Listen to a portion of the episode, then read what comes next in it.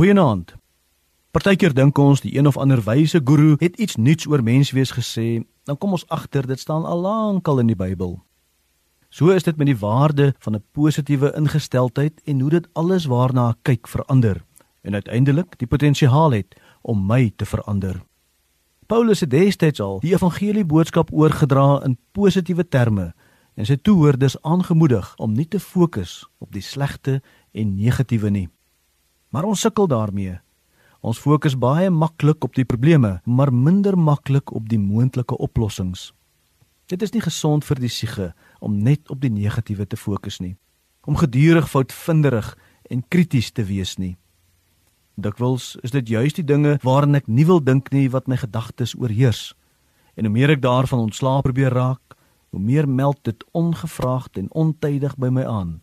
Soos 'n deentjie wat jy nie uit jou kop uit kry nie.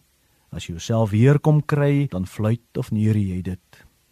Paulus skryf in Filippense 4: Alles wat waar is, alles wat reg is, alles wat rein is, alles wat mooi is, alles wat prysenswaardig is, watter deug of lofwaardige saak daar ook mag wees, daarop moet julle julle gedagtes rig.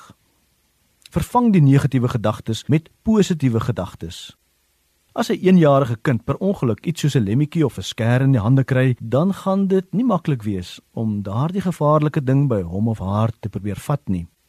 Gee eerder vir hulle iets interessanter. Iets soos 'n koekie of 'n speelding, dan sal hulle die gevaar vrywillig laat los vervang die negatiewe met die positiewe.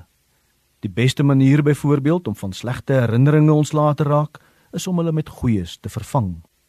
Dalk moet ons weer na die wêreld kyk deur die bril van die woord.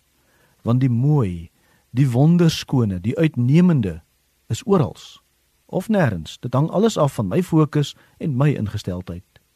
God het die wêreld geskep met meer skoonheid in as wat ek in 'n duisend leeftye kan absorbeer en waardeer.